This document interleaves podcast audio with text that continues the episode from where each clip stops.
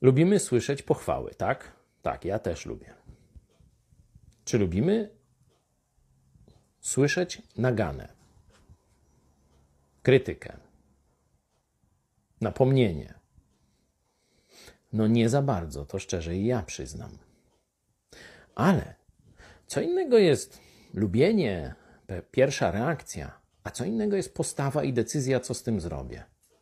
A bardziej jaki stosunek zachowam do tego, który mi mówi prawdę, który mnie napomina, który mi mówi prawdziwe, ale nieprzyjemne rzeczy.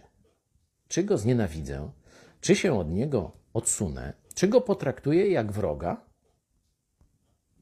Niestety takie zachowanie zdarza się także chrześcijanom. Apostoł Paweł spotkał się czymś takim ze strony ludzi, którym wcześniej głosił Ewangelię, którzy zawdzięczali mu usłyszenie Ewangelii o życiu wiecznym i zwrócenie się do Jezusa. Zobaczcie, to jest list do Galacjan, czwarty rozdział, mówi do nich takim pytaniem.